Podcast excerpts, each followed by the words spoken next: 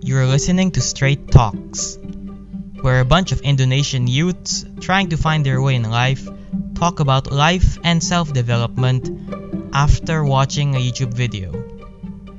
Thank you for listening in. We hope you will learn something.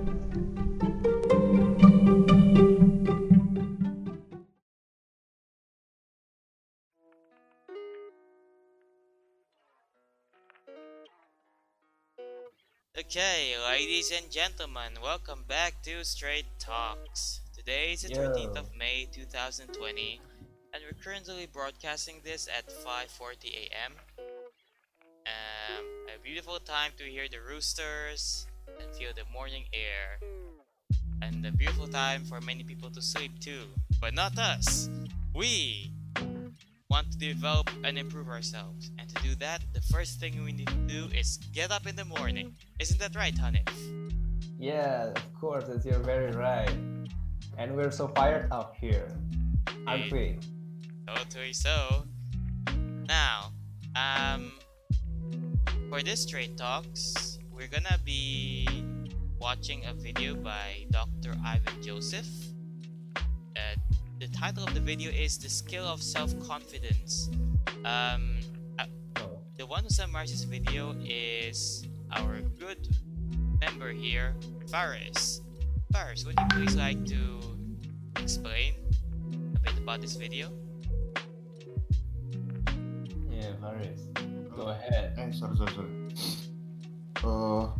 Eh, eh Indo, Indo aja nggak apa-apa ya? Iya, Indo aja Indo.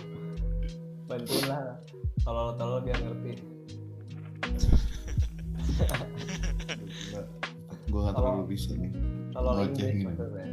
Eh, jadi videonya dari Ivan Joseph, eh, judulnya The Skill of Self Confidence. Eh, idenya kenapa gue kenapa gue ambil video ini? Karena self confidence itu agak ini apa namanya challenging buat gue. Hmm. So it's based on personal needs. Based on my personal experience mungkin ya. Yeah.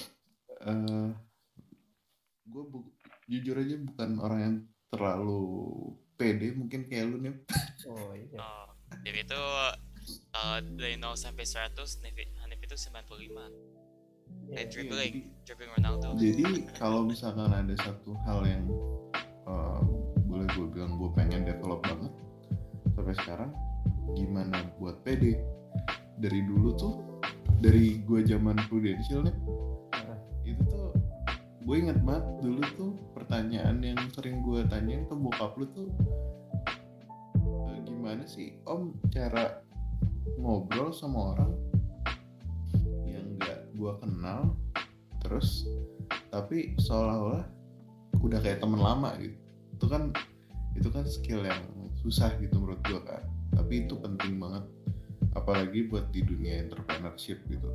Nah makanya makanya sampai sekarang pun semua buku semua hampir gue kalau beli buku eh, sebagian besar tuh eh, judul-judulnya yang gimana cara ngobrol sama orang. Kayak apa yang lu pernah kasih nih how to win friends, influ- influence them terus gue pernah beli how to Dale talk Carnegie, to ya. anyone segala macem. Nah kebetulan eh, apa eh, kemarin gue lagi malam-malam lagi eh, iseng-iseng nge YouTube TED Talks lagi ada bahas ginian. Eh, how- apa namanya Eh, skill of self confidence ternyata eh ini ini gue gue bahasnya sampai mana ya lupa gue Ini tuh lanjut benar benar benar kayak gini. Nah, terus habis itu uh, kira gue lanjut Eh, key message di video ini intinya eh, sen- apa nggak semua orang mungkin terlahir dengan self confidence yang tinggi Ya. tapi itu semua bisa di itu bisa dilatih gitu itu bisa dilatih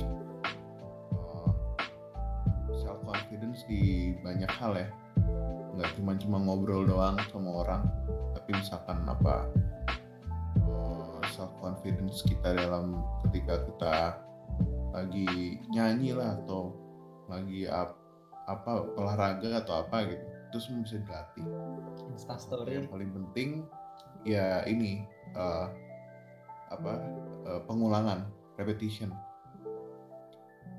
pengulangan eh, ya Ini apa, pengulangannya- misalkan kalau Pengulangannya maksudnya pengulangan dari tindakan ya yang pengulangan dari tindakan. atau Kayak misalkan- misal- ngomongnya. Iya misalkan kayak gue pengen belajar ngomong sama orang kapan pun di mana pun gitu. Ya udah Iya. coba. Jangan cuman apa jangan cuman nonton doang tapi ya misalkan kayak satu satu kali sehari gue harus coba ngomong sama random people gitu udah coba aja gitu. Kalau menurut dia itu kan sepuluh ribu kali ya kok kalau di video kira-kira sepuluh ribu kali pengulangan baru kita bisa masterin. Hal itu. Nah tapi kebanyakan orang eh, gagal ngulang karena pas kesempatan eh, pas pengulangan pengulangan awal ketika mereka gagal. Pasti kan gagal awal Iya. apa namanya Kayak, kayak video Eh, kita kemarin. iya Khusus Iya gitu. benar. Nah itu bikin males. Nah persistence itu eh, di situlah kelihatan orangnya persistence atau enggak. Lengkapnya nonton videonya aja. Di part 1 itu eh, pokoknya eh, dia bilang having a good skill set is not enough. Jadi ada orang yang terlahir kayak misalkan eh, main bola deh, dia jago, Hmm. jago banget dari awal gitu. Udah udah mungkin apa namanya eh, talent lah udah udah dari lahir udah jago gitu. tapi pas di lapangan ternyata eh, orangnya gugupan gitu Iya, iya. orangnya gugupan atau apa self confidence nggak nggak tinggi Mental turnamen udah. beda. benar mungkin eh, jago nih tiba-tiba pas lagi final Copa Amerika karena mentalnya kurang Penalti nggak masuk. nendang penalti nggak masuk gitu kan Iya. iya bisa jadi nggak tahu Oke, iya Itu tapi ada mungkin mungkin karena yang mental emang sih, udah mentalnya udah gila pas lagi final nendang penalti sih masuk mulu alhamdulillah kecuali sekali tuh 2008 Tapi menang juga kan nggak masuk. Anjir. apa Skill nggak masuk menang tapi. Iya. Habis itu eh iya kayak gitulah eh, contoh-contohnya. Eh, makanya makanya di situ di- dibilang kenapa eh, pengulangan itu ngebuat kita makin percaya diri lah buat ngadepin banyak hal gitu kan. Ya, nah yang gue, yang gue pengen tanya nih maksudnya pengulangannya pengulangan dari misal tadi contohnya main bola pengulangan main Hmm. bolanya atau pengulangan pengulangan untuk showing off main bolanya di depan orang. Kayak gitu itu kan dua hal yang berbeda ya antara skillnya sama nunjukinnya. Kan dia gugup Iya. ketika main bolanya di dalam game pas ditontonin sama orang. Pengulangannya pengulangan pas di momen dia gugupnya atau pengulangan di skill yang dia masternya. Nah kalau dia di apa namanya di video nanti dia sih ngomong sih apa namanya eh, dia lebih ngasih contoh ngobrol sama orang ngomong sama orang depan umum gitu kan Ya, itu harus dilatih berulang-ulang gitu nggak cuma sekali Nah, Berarti kalau pas gugupnya. mungkin Iya, iya mungkin kalau misalkan eh, in terms of main bola mungkin lebih ke ini kali ya Ya bener berarti Ya, sama. kalau udah atlet juga. mungkin itu udah jam terbang kali ya Iya bener bener bener. Cuma ah, makanya itu mungkin ah, apa purpose-nya beda gitu tiap tiap orang tiap kemampuan mungkin beda-beda tuh kalau misalkan ngomong depan orang ya lo harus lo harus berkali-kali apa namanya eh, biar bisa biar bisa masterin itu kalau misalkan mau ngobrol sama apa jadi public speaker juga harus ulang juga buat hal yang sama gitu-gitu deh pokoknya Iya iya. Oke lanjut. Terus, ya gue persistent is more important than repetition.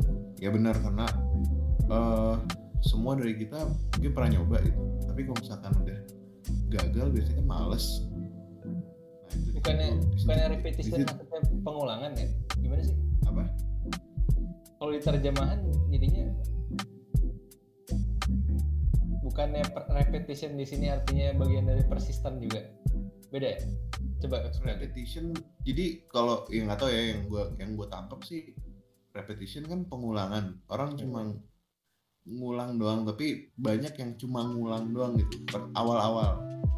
Hmm. pas udah pas udah mentok sekali udah tuh males tuh Nip, gitu. Nah di situ apa ya? Oh, Iya kayak yang gue tangkap kayak Ini yang di dibilang tahan bantingnya gitu? Apa sih Iya. gimana ya? Bener. Ah, ah, kayak tahan kayak tahan bantingnya gitu yang di diuji oh, benar-benar benar-benar ini enggak benar-benar pengen nggak? Benar-benar eh, kebal nggak? Kalau misalkan eh, apa namanya gagal ya udah coba lagi. Benar-benar repeat lagi. Iya, Nah, pas udah mentok sekali udah gitu nyoba yang lain lama-lama ya udah nggak ada nggak ada nggak ada yang selesai. Nah, terus abis itu eh, part 3 ini eh, gimana sih caranya biar bisa persisten gitu. Ya dia sih ngomong "Ya udah get rid of negative thoughts. Jadi eh, we all need to have our own self affirmation gue inget banget sih Nick, dulu pas pas prudential tuh gue inget banget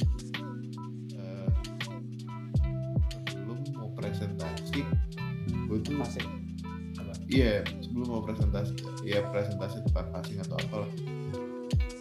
Eh, gue ngomong di kaca cuy. Jujur. Iya iya. Eh, terus pokoknya eh, intinya kayak ya lo hebat lo bisa. Oh gue kira ngomongin yang mau diomongin sama orang ya? Oke bukan bukan bukan bukan. Ya yang diomongin kan udah dipelajarin kan? Yang nggak di yang yang nggak bisa pelajarin kan mentalnya nggak sih orang baru apalagi gitu. Ya udah yang ya kalau gua pribadi kayak sih kayak gitu gitu. Oke oke. Eh, ya udah akhirnya gua ngomong sendiri aja di kaca gitu. Nah sampai kemarin tuh pas gua nonton entah kenapa bener-bener relate banget sama keadaan gue sekarang. Iya. Dia ngomong uh, quotes-nya yang bagus banget. Uh, dia bilang self affirmation dia dia uh, I'm the I'm the captain of my own ship and I'm I'm the master of my own fate dia ngomong. Gitu jadi uh, apa namanya ya itu mungkin uh, relate sama kondisi gue sekarang karena ini lagi kondisinya kayak kayak gini uh, apa namanya usaha-usaha lagi pada goyang segala macem. Wah anjir. Ibaratnya kapal gue lagi goyang nih gimana ya kalau misalkan gue leha-leha aja segala macem ntar di kapal tenggelam gitu ya gue sebagai kapten kapalnya ya udah gue harus tanggung jawab ambil kopi tanggung jawab buat apa pun itu ambil itu aja sih gue Iya. kemarin kenapa makanya gue pas gue nonton gue ngerasa relate aja sih sama gue sendiri Iya. ya udah gitu kalau menurut gue kontennya sebenarnya biasa aja nggak nggak nggak perfect perfect banget nggak ya dibilang nambah eh, nambah nambah pengetahuan baru juga ya so-so lah. Tapi nggak tahu kenapa kemarin lagi relate aja dan bener-bener ngebus ini gue sih eh, ngebus diri gue aja sendiri sih. Nah, kalau understandable sangat understandable sangat gampang pembawaannya juga enak orangnya ng- ngomongnya juga enak bahasa Inggrisnya juga bukan yang British British gimana gitu berapa menit nih? Bentar 15 menit ya oh, bener standar. atau panjang? Panjang atau Oh. sih 15 tuh standar. Di atas 15 Standar lama di bawah 15 cepet. Kalau tetex Ya, kita nonton aja deh. Alright. So, Mar. Sh- share screen share screennya dari lu aja ya. Yeah. gue dari HP soalnya kayak ribet. Nah, gua memang Iya. memang gua yang biasa share screen. emang lu yang itu ya oh Iya. ya sorry sorry So, good, good internet tuh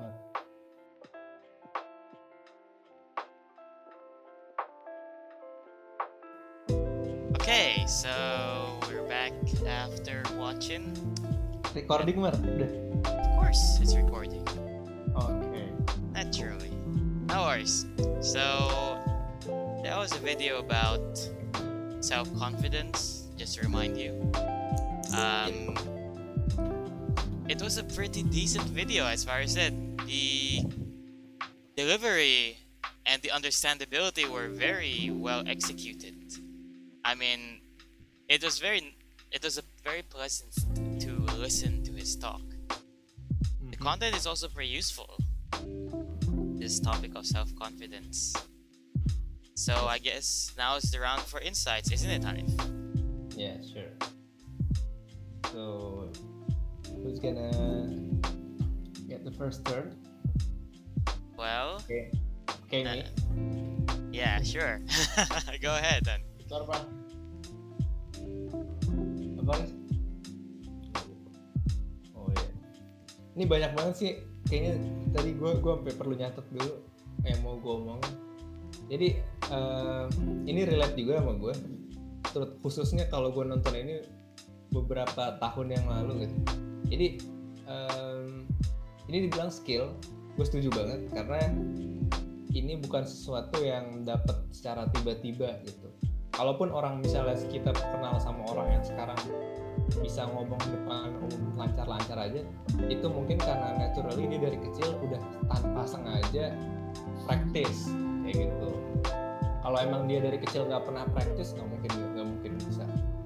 Gue setuju jadi dia bilang skill. Cuman em, isu yang pengen gue bahas tuh ada dua di sini terutama ada perbedaan besar antara gue nggak ngerti ya cara bahasa gimana cuma gue biasa bilang ada self esteem ada self confidence kalau yang confidence tadi itu lebih ngaruhnya ke repetition ya kan Hmm.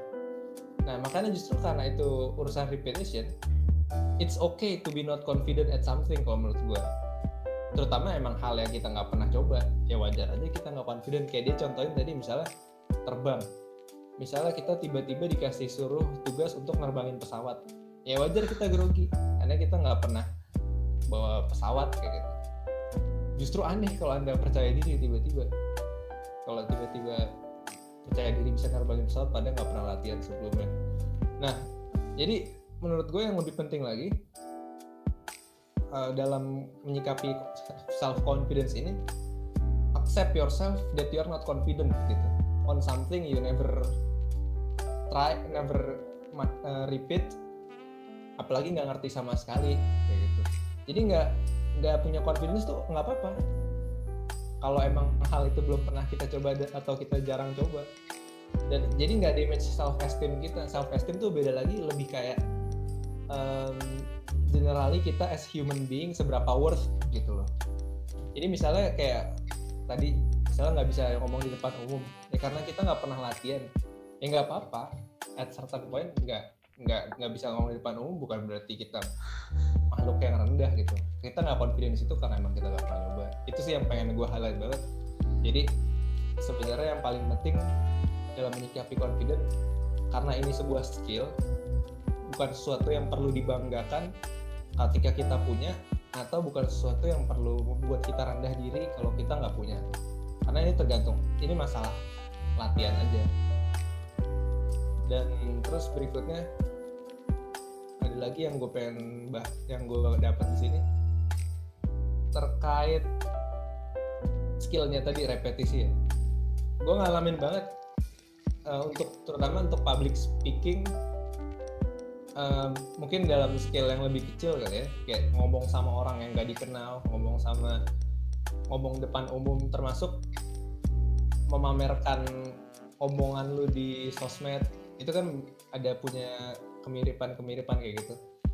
Ya gue nggak nggak bisa apa gue sekarang bisa confident kayak gitu bukan itu. bukan karena bukan karena tiba-tiba gue begitu maksudnya itu karena udah kalau gue inget-inget setelah gue nonton video ini ini relate banget bukan karena gue dari lahir punya skill ini. Menurut gue ini skill. Dan itu karena emang gue udah terlanjur sengaja atau nggak sengaja mengalami banyak penolakan yang jumlah jumlahnya banyak dan itu beda-beda gitu. Kayak gue dari kecil emang udah biasa ditolak. Entah itu di, di asuransi entah itu mengobrol sama temen ngobrol sama cewek. Bahkan pengalaman gue yang paling dari beberapa rejection yang gue masih inget yang paling parah tuh justru bukan di agen bukan di asuransi. Di asuransi paling ada satu gue berantem sama nasabah gue itu sampai gue dicaci maki lah.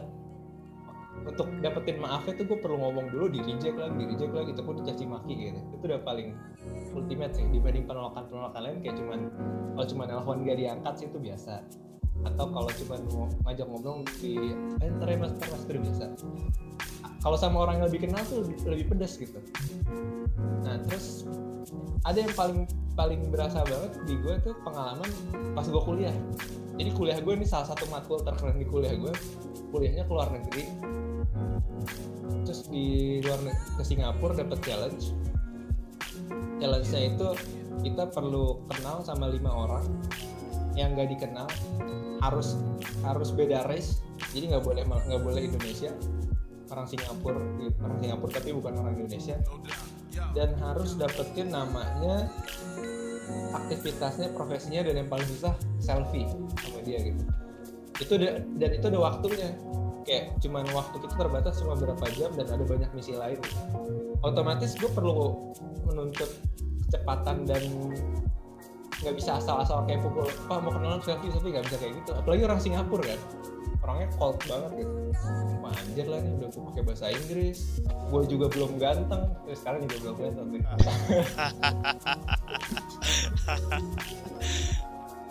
iya maksudnya banyak lah. Gue gue gue nongkrongnya sama temen-temen gue pada pakai kerudung gitu kan. Di sana kan bukan orang muslim kan rata-rata. Jadi emang banyak banget stereotip yang mendukung gue untuk berpikir kalau gue nih gak mudah diterima ya tapi setelah gue jalanin uh, ya ditolak. Banyak yang nolak. Cuman akhirnya berhasil. Di, di antara semua student tuh gue gue paling berhasil yang nilai perfect buat urusan itu gue tapi karena emang gue paling banyak ditolak gitu nah itu dari penolakan penolakan itu sampai sekarang lah gue kayak kalau ada urusan ya kalau ngobrol kalau ditolak sama orang udah biasa kayak gitu. Karena gue udah punya pengalaman pengalaman ditolak sama berbagai macam terutama hal-hal yang pedes-pedes banget kayak gitu. Gue ngobrol sama bule ditolak ngomong-ngomong kayak gini. Sama cewek juga. Jadi menurut gue di antara kalau urusan ngomong public speaking ini yang terpenting mungkin ditolak sama orang. Harus macam perlu macam-macam penolakannya. Meskipun jadi bukan sekedar banyak tapi banyak dan beragam.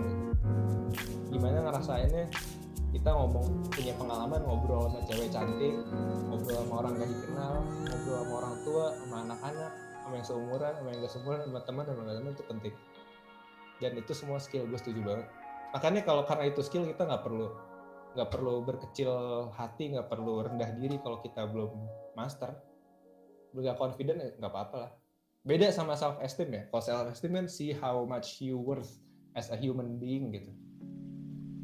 Ini cuma masalah skill doang. diri. Iya. Kira kayak gitu. That was very useful mean that was one heck of an some nice insights I think. I think it I think too. Uh, man. It's you know when you say that I can't help but think wah berarti gue yang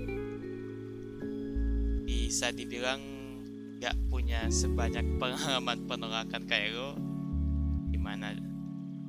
Cerita gimana kabar gue yeah that's why that's why you don't have to feel apa? Tadi rendah diri bahasa Inggris apa? Self esteem ya rendah diri bahasa Inggris apa Bar? low esteem. Yeah, self worth low self esteem low low self.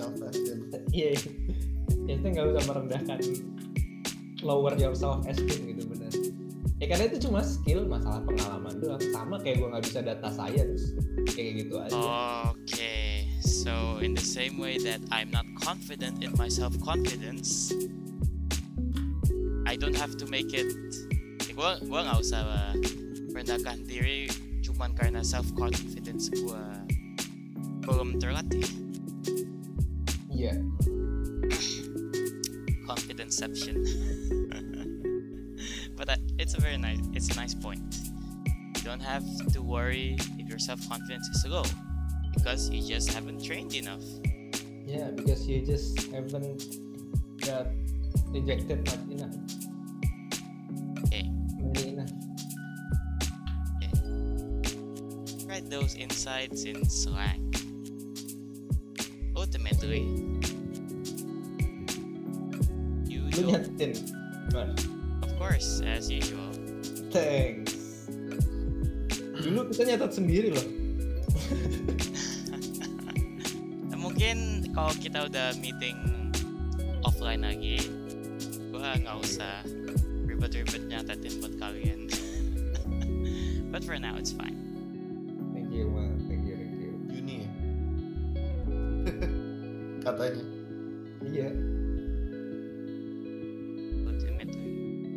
Should accept your life. Emang pada kalau itu. Kalau misalkan Juni udah boleh kalau gue sih tiap hari juga keluar. Nah, nggak tahu sih Juni.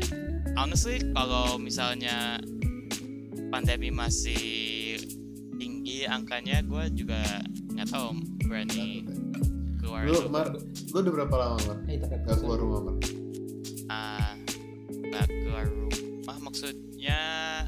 eh bisa dibilang dua bulan sekarang. lu kalau lihat di luar kagak ada psbb Iya. gak ada psbb Gue masih keluar kalau ke minimarket atau ke JNP Macet, gitu. Cok. Macet itu di gua kemarin gua kemarin tuh eh, dari rumah gua Depok 1 ke misalkan lancar 10 10 sampai 15 menit kali ya nyampe. Kemarin 30 sampai 45 menit macet banget. Itu yang namanya ya, orang di ini udah diteriakin satpol pp terus satpol pp lewat naik mobil teriak-teriak ya ibu-ibu pakai maskernya segala macam. Orang tetap aja bodo amat. Iya pak, gimana makasih mau pak. turun angkanya I guess Ya, di- I guess that's a bit, uh, kalau kata Hanif, too much self confidence where it shouldn't be. Iya itu Iya. ibaratnya pilot yang apa orang itu yang bukan self confidence sih man apa itu Ignoran. melihat Lebih ke nggak peduli Iya.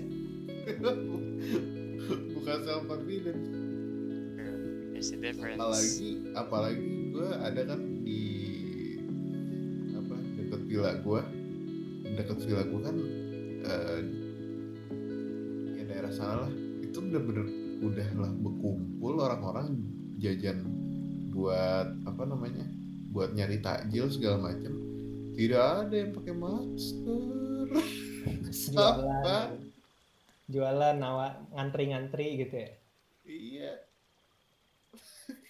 Ya, emang sih. gitu Right. gimana mau turun ya angkanya gue bilang "Set deh."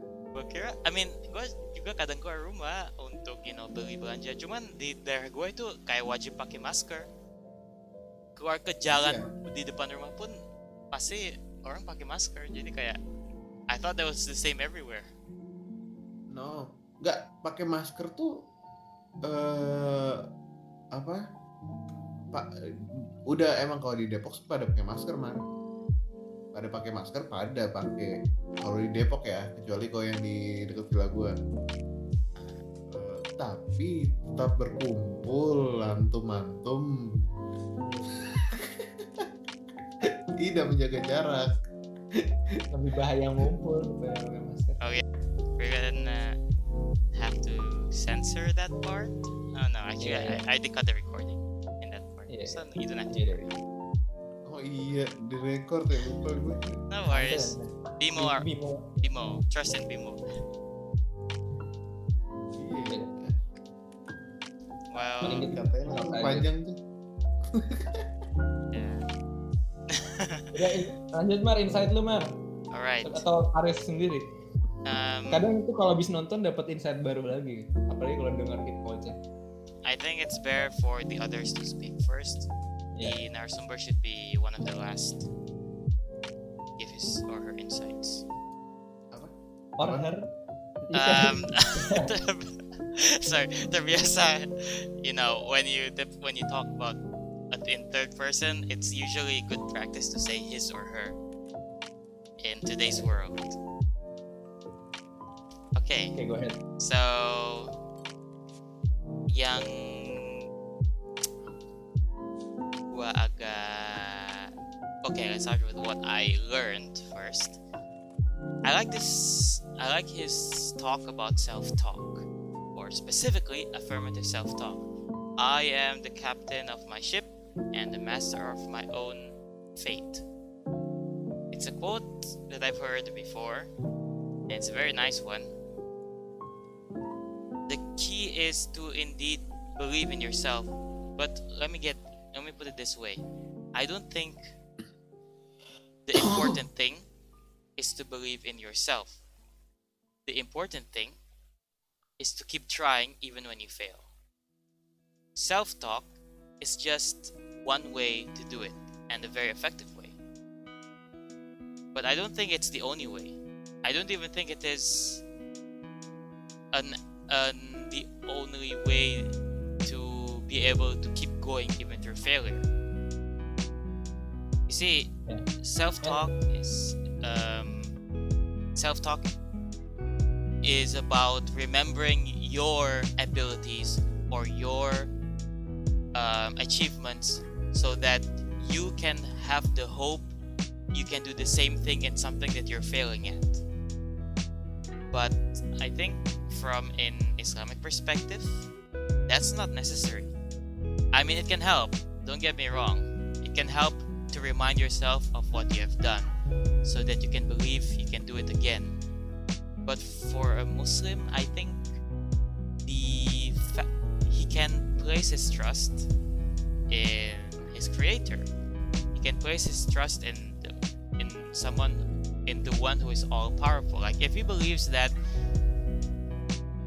he can do it because the, because his uh, his creator will help him to do it. That's another way to keep trying even when you're failing. That's another way to get that persistence. Yeah, yeah. I think uh, the problem with uh, yang kita yang dia tadi share tuh salah satunya menurut gue terkait self confidence dia banyak ngomongin tentang external stimulation. Kayak misalnya tadi ketika dia ngelatih uh, teman-teman apa murid-muridnya gitu. Pertanyaan masalahnya nggak semua kita sebagai coach oke kita perlu praktek kayak gitu tadi. Masalahnya gimana orang-orang yang nggak punya fasilitas untuk dapat support system kayak gitu? Apakah orang yang nggak punya support system kayak gitu? Misalnya kita nih di rumah orang tua kita dan semua teman-teman kita nggak ada yang bersikap kayak dia gitu support system. Apakah kita nggak bisa confidence? Apakah confidence kita tergantung dari orang di sekitar kita? Nah, kayak gitu. Jadi dia membahas itu sebagai coach. Cuman yang perlu di ini juga kita tuh masih bisa ke confidence kalau emang support system kita tuh nggak ada. Emang support system itu semacam bonus. Kayak punya punya teman-teman atau coach yang bertindak kayak dia tuh menurut gue bonus. Cuman yang lebih penting lagi sebenarnya how to react to feedback termasuk yang mungkin dianggap feedback feedback negatif tadi. Ketika orang ngomong yang nggak enak ah lu salah ah lu nggak bener kayak gitu. How to react uh, dari feedback feedback yang kayak gitu tuh. Itu jauh lebih penting lagi menurut gue dan jadi terus kayak dia bilang kan dia punya self affirmationnya salah satunya yang dia ngingetin keberhasilan keberhasilan dia di masa lalu kayak gitu. Apakah orang yang nggak punya keberhasilan jadi nggak bisa fail? Eh jadi nggak bisa fail jadi nggak jadi nggak bisa confident kayak gitu. Kan ada orang yang emang dari lahir udah terlanjur hidupnya gagal mulu. Dan kalau emang dia mau em, dia mau bangkit emang dia nggak pernah punya prestasi gitu. Ada orang kayak gitu. Ini apa yang mau diingat gitu kan dan kalau emang kita emang orang itu orang itu mau mau mau jujur sepenuhnya tentu kita kan punya punya punya kecenderungan untuk melihat itu bagian dari diri kita. Kegagalan itu bagian dari diri kita nggak bisa kita delete iya kita nak ngomong ke diri kita oh iya kita gue confident karena gue ini karena gue itu. Karena gue punya ini punya itu. Tapi kan di satu sisi kita juga di alam bawah sadar kita tahu kita juga punya kesalahan ini punya kesalahan itu. Jadi untuk self affirmation menurut gue sebenarnya yang bisa diambil poinnya dari dia bukan tentang itu dia cuma salah satu teknik aja. Nggak mesti prakteknya kayak gitu cuman yang lebih tepatnya nanya ke diri kita why can I be successful? Jadi pertanyaannya why? Itu ngingetin kita alasan yang tepat kenapa kita bisa sukses gitu.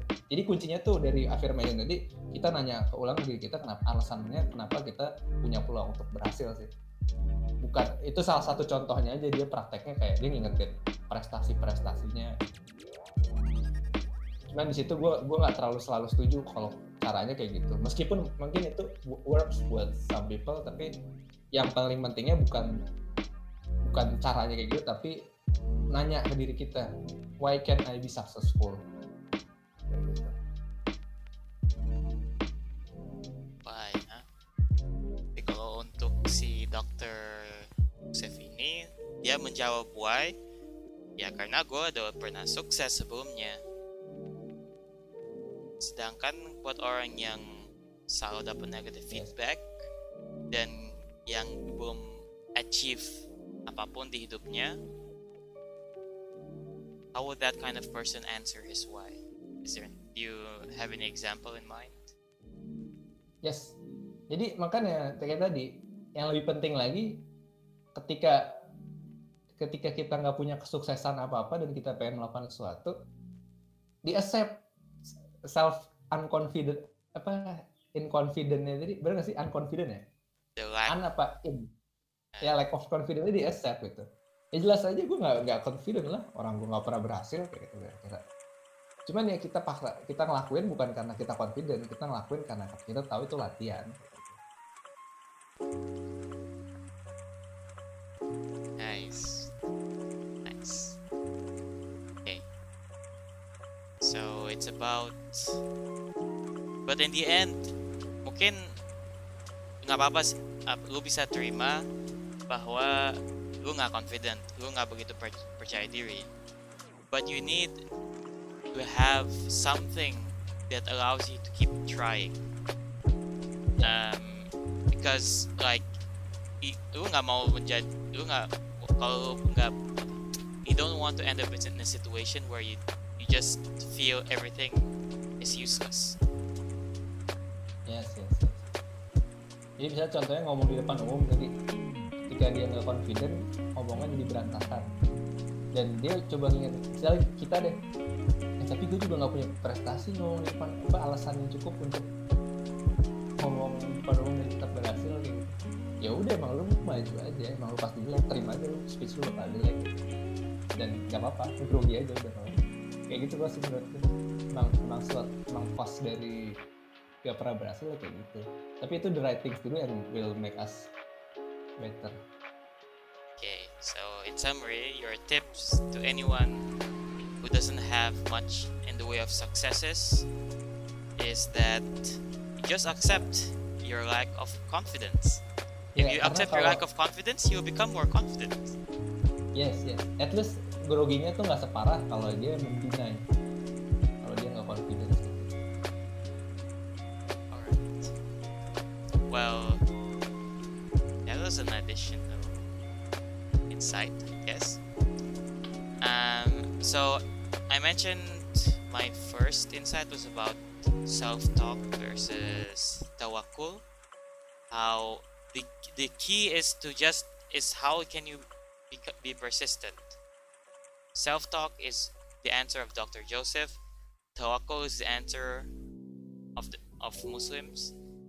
I mean, we can combine both, of course, but tawakkul is more reliable for someone who doesn't have many successes in their life. Like if they believe that um, if a person who hasn't had success in life believes that whatever they even if they if they fail, it's still worth it to keep trying because I will be rewarded for what I do and eventually Allah will help me when the time is right, then that's a pretty good motivator to keep going. Even if you're accept your that you're not confident, even you accept that you don't have the skill, if you believe in a higher I think if you believe in a higher entity who will help you or who will at least reward you, it can be a very reliable motivator to keep going. Ya, ya itu bahasa religiusnya. Sebenarnya yang poin yang mau gue sampaikan tadi juga kayak gitu. Indeed. Kita kita believe yang kita lakuin tuh hal yang benar. Mungkin kalau bahasa Belief in that you're doing the right thing. That's the key. Believe that you're doing the right thing. If you believe that you're doing the right thing, even if you don't have the confidence, you'll be able to be persistent in it. Alright. So, um, ano- some other points, or I don't have that many insights. Um,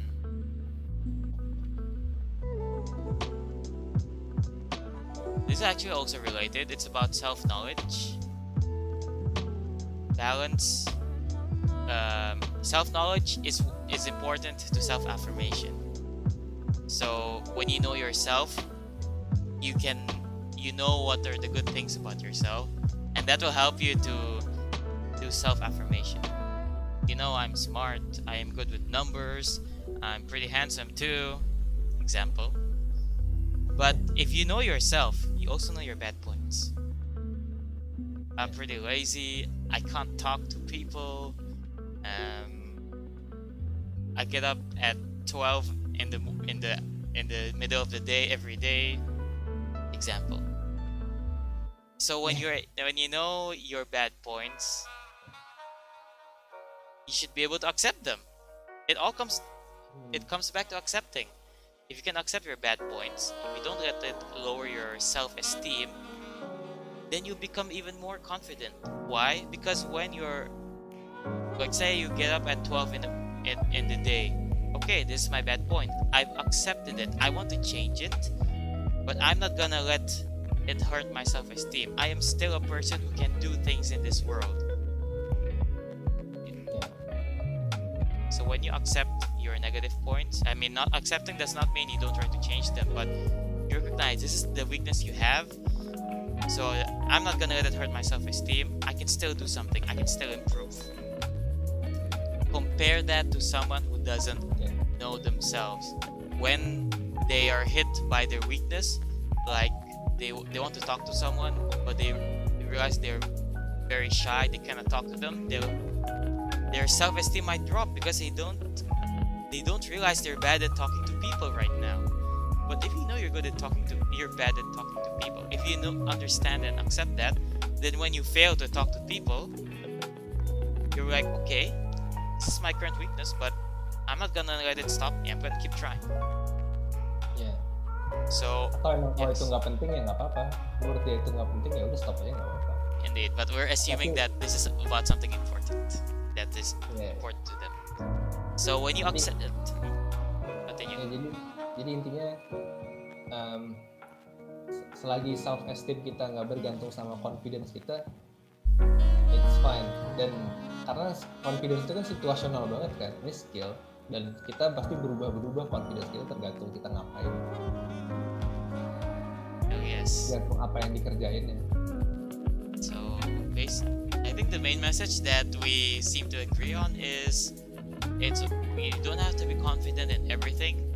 Just don't let it hurt your self-esteem. because it's a skill This is a skill. It's a, and every skill, everyone in every skill starts as a beginning.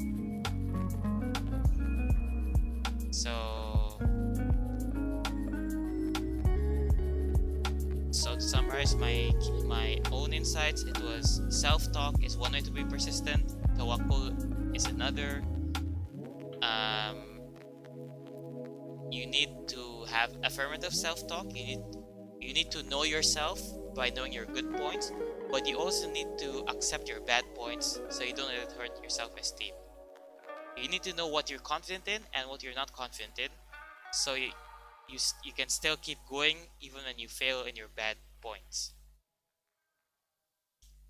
And for a more personal level, I really need self-confidence for things like um, talking to people that I Uh, don't know. So, it- it's homework part. Emang lu enggak, Mar? Ya tepatnya gue itu kayak agak terbalik You, dari ya Umar maybe want, Umar maybe it's want more berarti. um maybe yeah you know that that that that's, that goes to the homework part. Let me not say it now. Paris dulu Paris. Apa gua? Insight. Insight Instagram. What? Eh, maaf, sorry. Net. sorry, sorry, sorry. Eh, set gue. Nggak, gue pengen nanya sih lu. As long as you know me. Jauh lu kenal sama gue. Kelihatannya, ini gak? Kelihatannya kayak orang yang pede dong nggak? Eh, standar PD-nya dulu. Kalau buat gue sih enggak dibanding sama gue kayak gitu. Iya. Apa pun dibanding Lu sama lu kayaknya kurang juga. Gue kepedean. Ya maksudnya ta- eh, untuk ngobrol, gue masih ngeliat kalau lu ya belum sepenuhnya comfortable sama orang. Kalau kecuali sama orang yang lu kenal banget gitu. Beda sama orang orang-orang yang emang kayak ngobrol sama siapa aja udah comfortable aja meskipun nggak kenal. Kayak lu perlu perlu kenal deket dulu baru bisa comfortable ngobrol sama orang gitu. bener banget apa ya yang gue rasain sekarang ke sini tuh ini cuy gue ngerasa eh, ini yang mungkin gue harus koreksi sih gue tuh males ngomong makin ke sini males ngobrol males apa ya males basa-basi kali ya sama orang. Itu bener itu yang gue rasain sekarang sih jadinya. Tapi di satu sisi juga gue eh, pengen lancar ngomong itu karena kebutuhan. Lebih karena kebutuhan sih. Bu- Justru yang bagus Bukan kayak gitu, Res. apa? Justru yang bagus kayak gitu. Kayak basa-basi itu merugikan. Gue sendiri gue nggak gue anti basa-basi ketika gue ngomong sesuatu pasti ada tujuannya gitu mungkin kedengaran bagi orang lain basa-basi cuman gue sendiri punya poin sebenarnya gue mau ngomongin tujuannya buat ngapain gitu bukan basa-basi yang sekedar formalitas yang gak ada tujuannya pasti ada ada di situ ada ada yang, mau gue achieve dari sebuah pertanyaan atau statement gitu. jadi bukan basa-basi sebenarnya itu tuh kayak building rapport approach gitu. Ada bahasa basi tuh contohnya kayak misalnya eh, eh belum pulang gitu. Ya udah jelas belum pulang Ada orang-orang. Itu baru bahasa basi. Kalau kalau pertanyaan pertanyaan pertanyaan kayak misalnya nanya lagi ngapain ini? Lagi ngapain? Dia jawab kita tanya lagi lebih lanjut. Oh iya misalnya. Kita lebih mengenal dia gitu. Biar kita lebih paham kondisinya tujuannya. Biar kita bisa ngomong lebih tepat ini gue ngomong tepat nggak nih kalau gue ngobrolin tentang ini? Atau misalnya nanya kabar keluarganya. Kalau keluarganya lagi baik-baik aja kan gue bisa ngobrol lebih lanjut. Kalau keluarganya lagi masalah ya udah gue nggak usah ngajak ngobrol karena orangnya lagi nggak enak gitu. Jadi ada tujuannya. Bukan sekedar yang kita nanya udah pul oh belum pulang ya? Bukan yang kayak gitu. Itu baru bahasa basi itu. Dan jadi orang-orang yang nggak pengen bahasa basi kayak lu tuh sebenarnya udah sangat benar. Ngomongnya yang menurut lu penting aja. Tinggal tinggal yang lebih pentingnya yang kalau mau diimprove skillnya ketahuin sebenarnya em, obrolan yang penting kita omongin tuh buat orang lain lebih banyak lagi bukan sekedar yang kita percaya penting doang. Jadi kayak misalnya sebenarnya semua orang tuh pengen lo ditanyain em, gimana caranya dia untuk ngelakuin tindakan-tindakan yang menurut dia bagus gitu purpose-nya kayak gitu jadi nggak sekedar basa-basi tapi setiap ti- pertanyaan statement ya insight insight bagus sih. Maksudnya eh, buat bahasa basi itu jadi ini ya. Jadi kayak hmm, Purposeful. the way the way to achieve your goals. Maksudnya ya kalau buat gue ya ini ini insight pribadi buat gue mungkin. Nggak nggak nggak works buat semuanya juga mungkin. Jadi kayak misalkan ya karena gue harus misalkan karena gue harus eh, kenal sama orangnya karena ada urusan bisnis atau apa ya udah mungkin awalnya mesti mesti ngelewatin basa-basi sedikit buat dapat poin utamanya yang mungkin ya. Itu itu itu, insight yang gue dapet. Dan itu nggak bisa nggak bisa sekedar basa-basi maksudnya Iya, emang iya, bukan I know. basa-basi maksudnya pertanyaan emang kita tulus pengen breaking Entah the ice kali ya entah bukan tulus entah tulus atau emang karena kita punya kepentingan pribadi yang jelas kita beneran pengen tahu loh. Kita beneran kepo gitu reasonnya. Karena dari dari informasi yang kita tanyain itu kita beneran dapat sesuatu yang bermanfaat buat kita. Termasuk iya. ketika kata ke cewek kan kamu lagi apa? Gitu misalnya. Bukan sekedar nanya abis itu ganti topik. Eh lagi ngapain? Gue pengen bahas lebih lanjut. Kamu lagi apa nih? "Iya, ini aku lagi fokus tiktokan misalnya gitu wah itu siapa? Nah, itu cuma contoh jadi Kenapa lagi apa TikTok? Ya siapa gitu kan cewek gitu. Right. Right. Oke. jadi setiap pertanyaan tuh perlu tulus perlu bener-bener ada reason pengen tahunya yang bermanfaat buat kita kita pengen tahu. Jadi bahasa basi tuh sangat-sangat merugikan kita dan orang lain. Klise buat kita kelihatan tidak jujur. Bagus kalau lu nggak bahasa basi nah itu tuh nih yang hal-hal kayak gitu tuh yang ya itu itu jelek. Gue gua akuin itu jelek sih buat gue sendiri sih. Maksudnya, hmm, mungkin gue udah udah udah di tahap yang males buat tahu hidup orang. Akhirnya gue jadi males ngobrol sama orang. Itu itu benar-benar gue ada di tahap itu sih gue jadi lu tinker lu tinker Apa? soalnya lu tinker jadi Iya.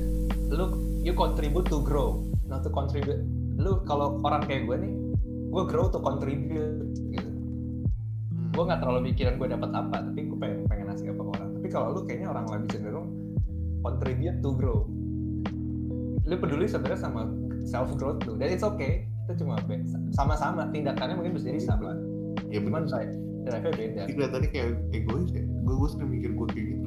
Dan nggak apa-apa men.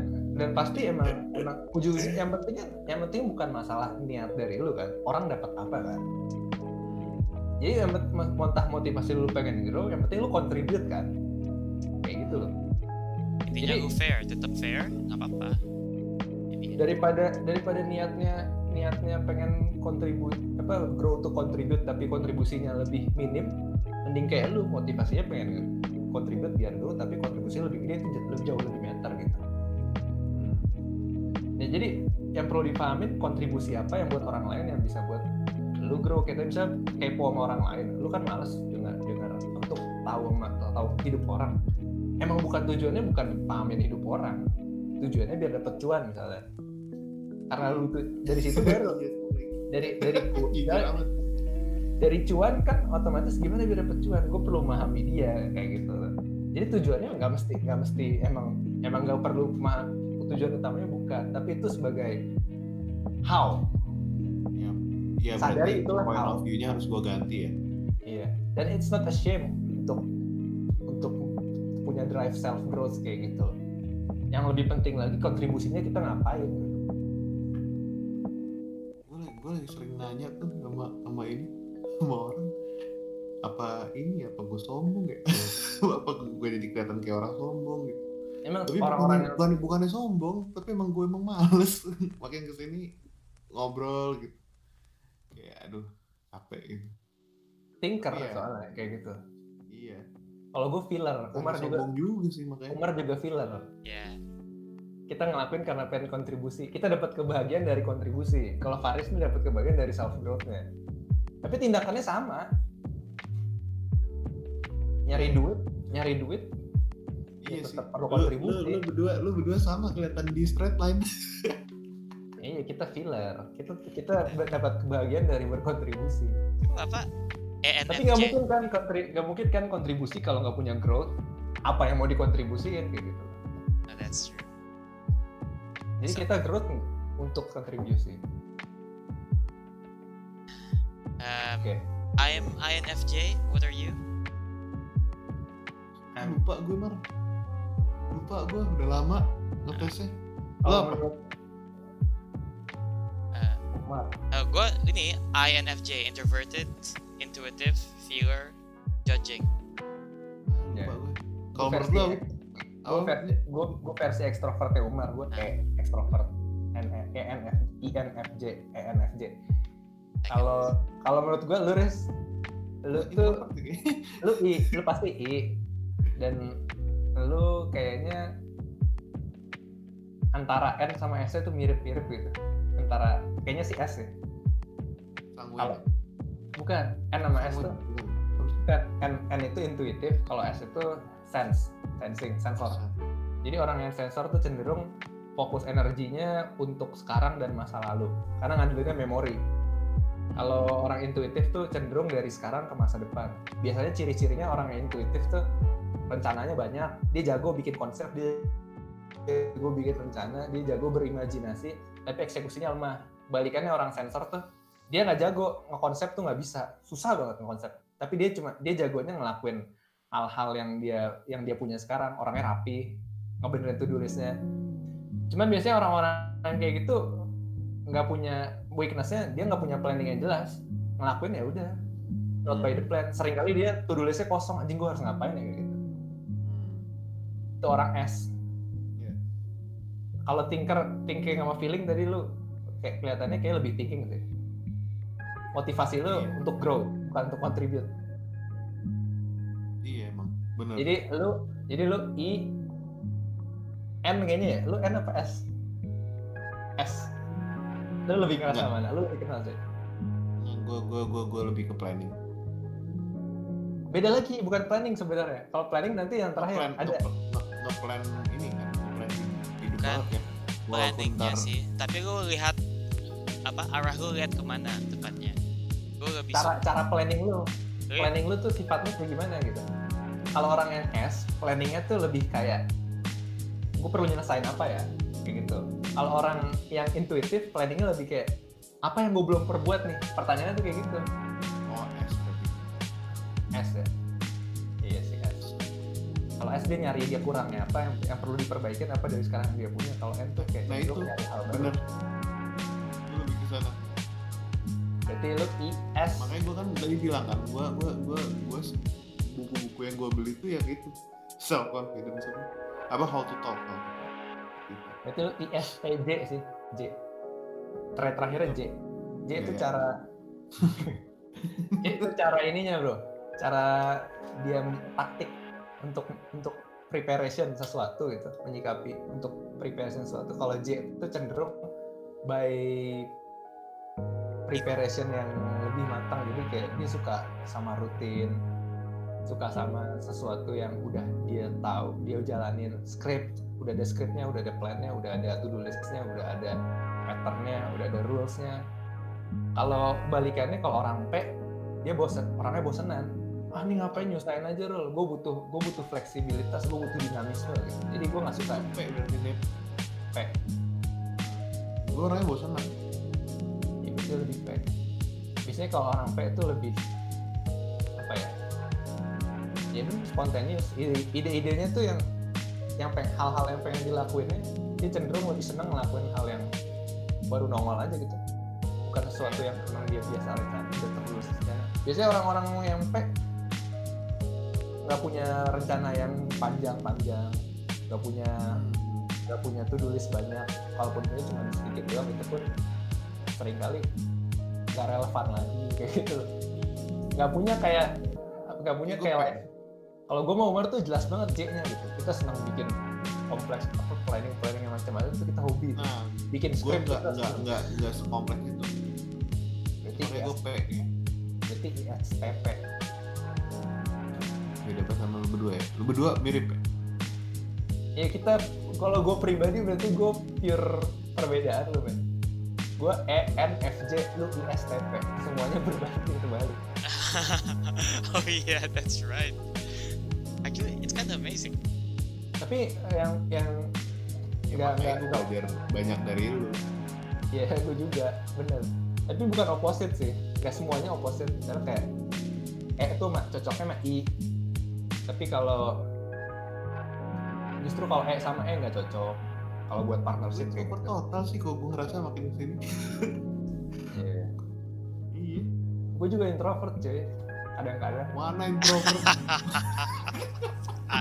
apaan introvert kadang-kadang beneran maksudnya nggak semua orang tuh selalu nggak ada yang 100% gitu pasti ada sih, ada porsinya. makes sense. Tapi Anda 99 persen.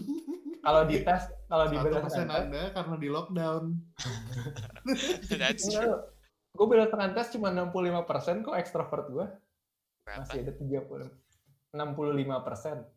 Kadang-kadang kadang-kadang berubah jadi 70 kadang- kadang-kadang 65 lagi itu kan berubah-berubah ya jadi kadang traitsnya berubah itu bukan self define kita itu buat kondisi ngukur kondisi kita sekarang aja Berarti gue lebih introverted daripada lu extroverted. Gue 86% introverted. that's crazy Indeed. Berapa, Mar? 86% introverted. Introvert. Ya, berarti gue 86% introvert, 40, 14% extrovert. Intinya gue Oh. introvert. nggak Banget. asik nih orang yang kayak gini biasanya yang tongkrongan tongkrongan temannya dikit gitu yang introvertnya begini Oh ya, berarti itu Iya. gue terapin apa yang lu bilang. Gue accept. I accept that I'm an introvert. I accept that I want to be Iya. able to hold the party. And it's Bener. fine. iya Jadi dulu gue, ya karena dulu mungkin masih bocah lah, gue pengennya ekstrovert gitu kayak keren gitu. Tapi makin ke sini, ya udahlah di accept aja. Emang kayaknya gue introvert kali ya. Ya udah, dan Gua gak nyaman sama- gue nyaman sama diri gue sendiri. punya teman banyak juga nggak ada artinya men kalau kosong yang penting kan kualitasnya Itu dia. Exactly. That's why we gather here yo what's up that's true. Eh, Ada hal yang lucu. Setelah gue accept gue introvert, gue malah bahkan lebih gampang ngomong sama orang. Lebih Nah, banyak. Mar, bener Mar. Sumpah Mar. Asli. because you don't deny Ya, Mar. yourself Yes. Yeah. Iya setelah setelah lo berdamai sama diri lo sendiri, ternyata ini ya apa namanya ya udah gitu. Gue nggak terlalu pengen kan kalau dulu kayaknya effort banget ya. ah gue harus ini ngomong nih sama orang. gue harus Iya. bisa ngomong nih Iya. Jadinya mungkin annoying mungkin buat orang lain kali ya. Mungkin gue nggak tahu. Sekarang karena gue udah udah lebih santai aja, tiba-tiba teman gue malah jadi banyak. gue heran. Iya, karena lu ngomong yang benar, diam di saat yang benar, ngomong di saat yang benar, kayak gitu jadinya kan. ada aja ya eh, lu kan anda tahu saya habis di blok sama siapa kan Ah, nah pokoknya se- setelah setelah gua setelah gua di blok sama orang itu gua udah nggak temenan lagi nggak tahu kenapa gue jadi berubah total berubah total lebih acceptance sama diri gue segala macem. Akhirnya dari yang tadi gue temenan susah gitu sekarang tuh hampir seminggu sekali kayak ada teman baru ada teman baru gitu nih. Jujur asli. Iya, iya, iya. kemarin gue baru temenan sama kemarin banget gue baru kenalan sama ownernya uh, cafe sejuk di SCBD belum lama gue kenalan nama ada selebgram Depok Depok segala macem. Anjir gue bilang kenapa ya? Padahal gue nggak ada effort sama sekali ketika gue udah udah males temenan sama orang malah temenan sama orang jadi gampang.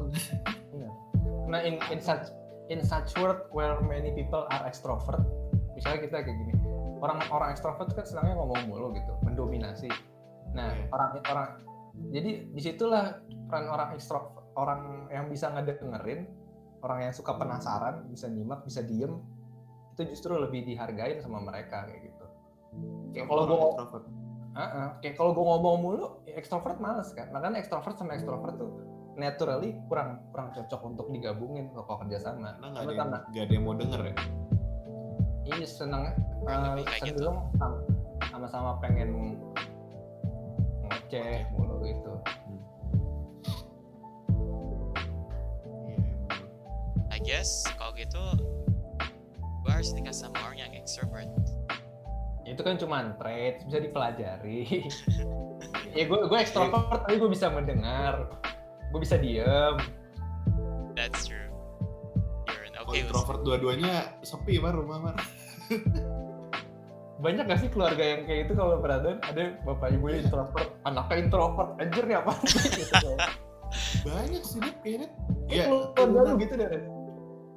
eh, nggak mbak bingung nggak Oh, Mbak Belo enggak? Oh iya, iya. Okay.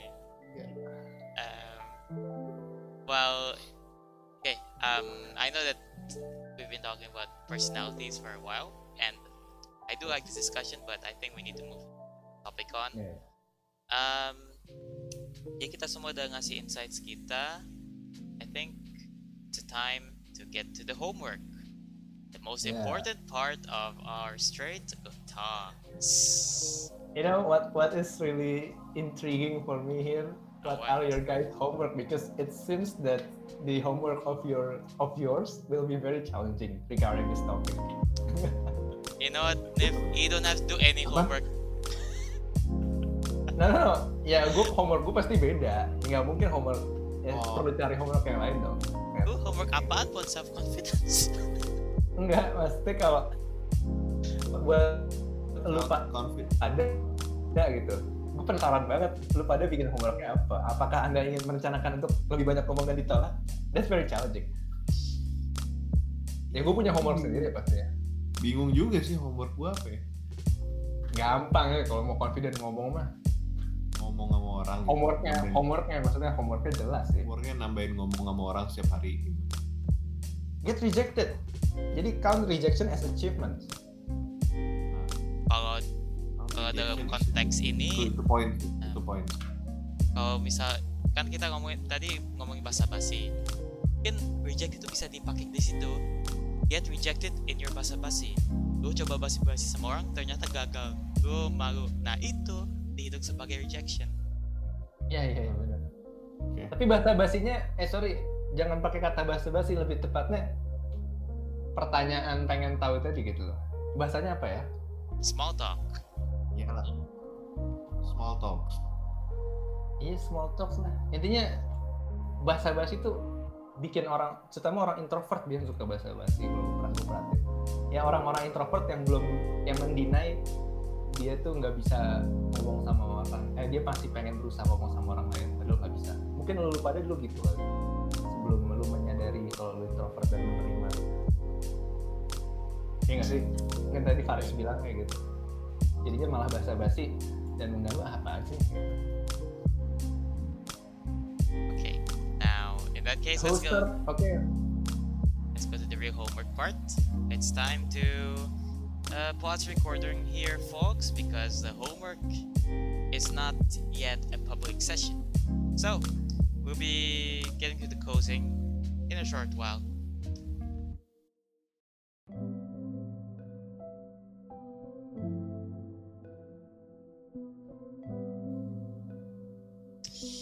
Okay, in that case, um, it's time for us to close this session. So, ladies and gentlemen, we have finished up our homework and we're gonna end this session of Straight Talks, um, where we talked about self confidence, where the main message was the main insight that we got was that if it's better it's okay to have to not have confidence in everything, but don't let it damage your self-esteem. So that's it for today, ladies and gentlemen. Hope to see you on the next round of Straight Talks. Bye bye then.